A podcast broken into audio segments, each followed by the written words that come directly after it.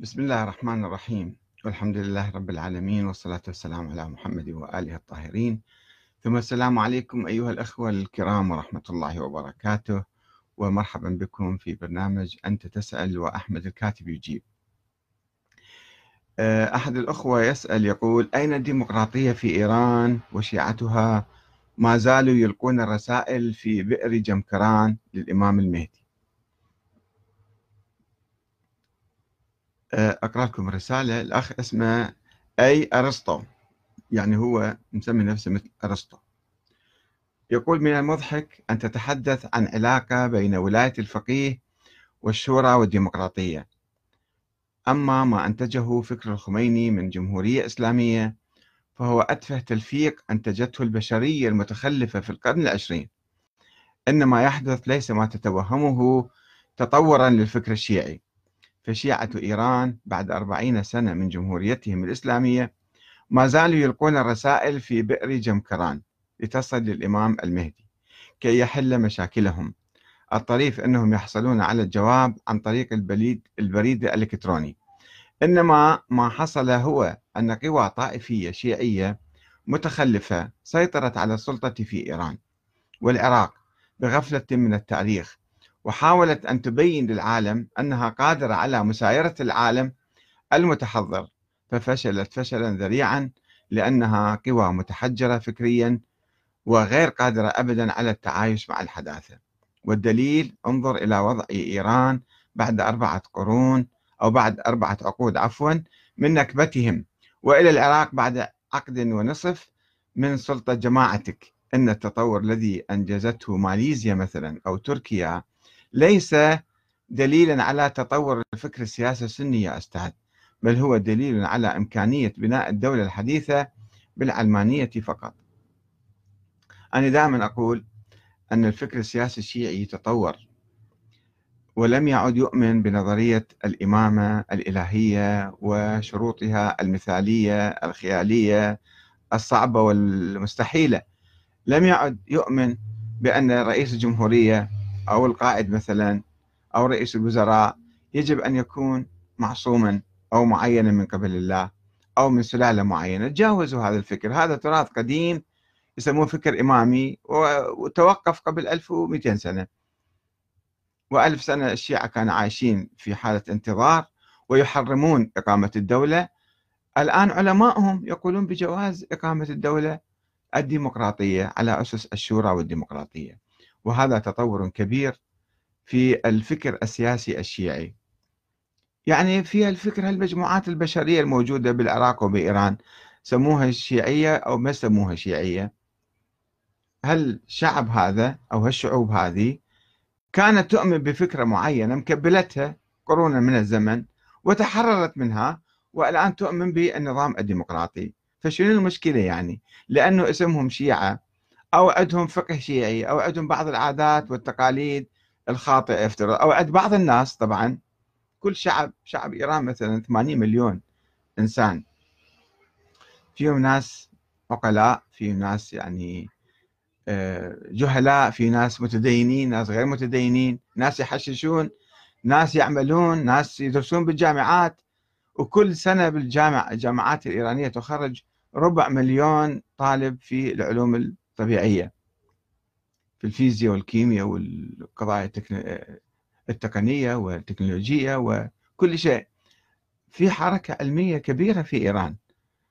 فالأخ ماخذ قصة معينة أنه هذول يلقون رسائل في بئر آه، في مسجد ينسب أنه الإمام المهدي التقى بشخص بالمنام وقال له ابني مسجد هنا مسجد جمكران خارج قم والناس يجون في ناس جهلة يروحون يزورون هذا المسجد ويلقون رسائلهم في بئر وبعدين سوى بيرين بير للنساء وبير للرجال. وما أعرف من وين جايب أنه يحصلون على الجواب عن طريق البريد الإلكتروني. أنا ما سامع الموضوع. أنا أعرف أنه يشيلون رسائل يذبوهم بال... يحرقون بالصحراء. فما في مشكلة. افترض هذه حالة سلبية. طيب أنت ما تشوف إيران في ظل الجمهورية الإسلامية صار 40 سنة محافظة على استقلالها وحققت انتصارات قوية في مجال الصناعة والصواريخ واكتفاء ذاتي في الأسلحة تقريبا. مو اكتفاء ذاتي تام ولكن تصنع طائرات تصنع زوارق تصنع غواصات تصنع آه، سيارات. وآخر اليوم شوف السياره بورجيني ما أدري شنو اسمها آه، إيران صنعتها أيضا.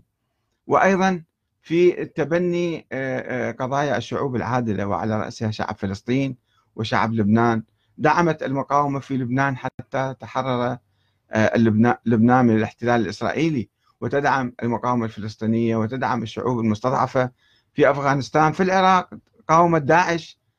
هذا معناته أنه نظام حي والنظام ينصر المظلومين في كل مكان. آه نظام قوي وأنا ما اريد يعني أمدح النظام ما يحتاجون مدحي. وأنا أنتقد أحيانا بعض الملامح أو بعض الأمور في إيران. ولكن بصورة عامة عندما ننظر إلى التجربة الدستورية في إيران التجربة الدستورية رائعة. يعني في انتخابات رئيس جمهورية مستمرة كل أربع سنوات في انتخابات البرلمان في انتخاب للقائد وفي مجلس الخبراء أيضا انتخابات له بالنظام كله قائم على الشورى وعلى الانتخاب ونظام جمهوري أساس الدستور عندما آه، أسسوا الجمهورية الإسلامية أيضا استفتوا الشعب. ماذا تريد ملكية ولا جمهورية؟ فقال نريد جمهورية إسلامية. و الأعضاء الذين كتبوا الدستور أيضا انتخبوا من الناس. وكل هذا مو جمهوري ومو ديمقراطي وما له علاقة بالشورى. يعني لازم الإنسان يكون حاط أصابة طائفية عمياء على عينه بحيث ما يشوف هذا الشيء. ويحاول أن يهاجم الآخرين. يعني أنت حر يعني. طبعا دائما نشوف الأسماء اللي مو صريحة وخاصة في, في اليوتيوب. في الفيسبوك شوية بعض الناس يعني يحترمون أنفسهم لأنه الفيسبوك يطلب اسمك وكذا وتليفونك وعنوانك وشيء بس بال بال باليوتيوب يجون يعلقون. شوفوا تعليقاتهم صفحتي وغيره سب وشتم وكذا.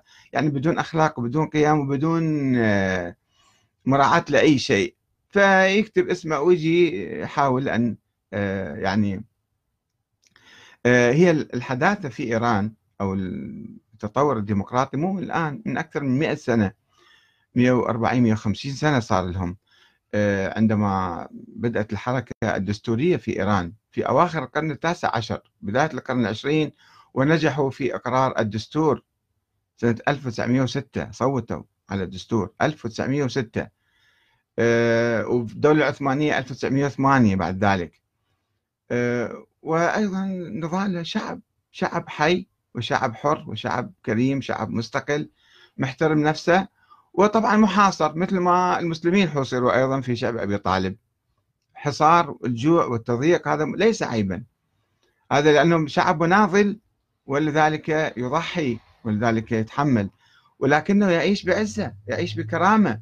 شوفوا أنتم الملوك اللي خاضعين وخانعين وكيف آه، ترامب يستغلهم كل يوم ويهينهم ويذلهم وتعالوا ادفعوا. يعني ذولا عندهم ديمقراطية سائلين شعبهم شو يريد؟ هالفلوس اللي قدموها لترامب سألوا أنه والله الشعب مثلا السعودي أو الشعب الخليجي قابل بهالشيء؟ راضي؟ ما يسألون اي ابدا في يوم من الأيام ولا في أي قناة اتصال مع شعب حتى يسألوا. شعب مقموع وخانع وكالعبيد يعملوه. وشفتوا صحفي هو طول عمره يعمل في خدمة آل سعود. وإذا كلمة خرجت من عنده أو خارج إطارهم يعني يعتبروه عبد آبق يجب إنزال العقاب به ويقتلوه شر قتله يعتبرون الموظفين ذول مثل العبيد عندهم والشعب كله يستعبدوه. فهل هذا من الإسلام؟ وهل هذا من الحداثة؟ أم شعب اللي يتكلم ويتصحف ومجلات صحيح ما أقول لكم أن الحرية مثلا 100% في إيران. في مشاكل في سلبيات صحيح. ولكن آه، انظروا إلى استقلال إيران إلى عزة إيران إلى كرامتها إلى آه، تصديها للاستكبار العالمي والصهيوني إلى آه، دعمها للشعوب المحتلة والمستضعفة. هذه أشياء بديهية. الأخ يجي أيضا يقول أن التطور الذي أنجزته ماليزيا مثلا أو تركيا ليس دليلا على تطور الفكر السياسي السني. لماذا لا؟ الفكر السني القديم اللي موجود في كتاب الأحكام السلطانية للماوردي وغيره آه، أبو يعلى الفراء اللي بعض الأحزاب الإسلامية مثل حزب التحرير أو غيرهم أو السلفيين يؤمنون أنه الحاكم هو إله. هذا مطلق. وكل شيء يسوي لازم إحنا نسمع كلامه. هذا خليفة مقدس يصير. في السعودية يقولون أنه آه، أطيع الله وأطيع الرسول وأولي الأمر منكم. يعني هذا الحاكم. يعني فلان ابن فلان. إذا حكم يجب طاعته طاعة مطلقة. هذه النظرية الأموية تقول هكذا آه، وما عندهم فسحة للحرية أو الديمقراطية. تصبح الديمقراطية كفر وإلحاد. وهسه الشعب الإيراني أو الشعب الشيعي عموما في العراق أو في إيران أو في لبنان اللي متطور ديمقراطيا مؤمن الآن بالديمقراطية مؤمن بأن الحاكم ينتخب من الأمة ويجب أن يكون إما نزيها عادلا وإما فقيها عادلا يختلفون هاي تفاصيل. أما بالنتيجة يؤمنون بالشورى صاروا فإذا ما في فرق بين الشيعة والسنة. بعض السنة المتخلفين الجامدين اللي هم متمسكين مثل السلفيين يعني ما يؤمن بالديمقراطية يقول الديمقراطية حرام كفر وإلحاد. ففي تركيا أو في ماليزيا أو في أي مكان آخر ذولا متحررين من الفكر السني. ما يمكن نسميهم دول سنية كما لا يمكن أن نسمي إيران دولة شيعية الآن. دولة جمهورية إسلامية. في تركيا أيضا جمهورية ديمقراطية في ماليزيا في آه، أندونيسيا في أي مكان آخر. فخلينا نشوف التطورات الحاصلة في الأمة الإسلامية. في كل المجتمعات الإسلامية ليس في إيران فقط. أنا لا أقول فقط في إيران.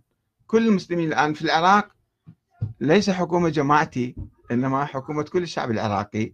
كل الشعب العراقي مشارك بهذه العملية وبالتالي تعبر عن تطور الفكر السياسي عند الشعب العراقي كله سنة وشيعة مؤمنين بالنظام الديمقراطي. فليش إحنا إذا نجي نهاجم إيران؟ لأنه في بعض المظاهر السلبية في إيران. طب انقد هاي الظاهره يقول هذا تروحون تضعون رسائل في البير هذا في شيء خطأ ومو صحيح لا يوجد إمام مهدي مثلا أو لا أحد يستلم الرسائل ولا يجيب عليكم. ليش تجي تنفي أن هذه التجربة كلها فاشلة صارت؟ يعني هذا يعبر عن بس أنا ما أتكلم زايد يعني عبر عن واحد ده موقف مسبق أنه هذه التجربة يشطب عليها تماما. اشطب عليها إيش راح تحصل.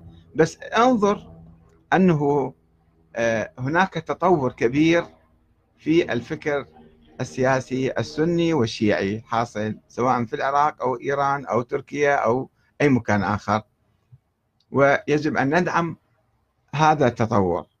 ندعم هذه المسيرة ونهذبها ونشذبها ونقويها ونعززها ونعزز مشاركة الشعب في السلطة في مساعدة الحكام ومراقبتهم وتغييرهم ومحاسبتهم. هذا الشيء لازم إحنا يمكن نفتقده هنا وهناك بنسب مختلفة. يجب أن نعزز هذا التطور الديمقراطي في العالم الإسلامي. والسلام عليكم ورحمة الله وبركاته.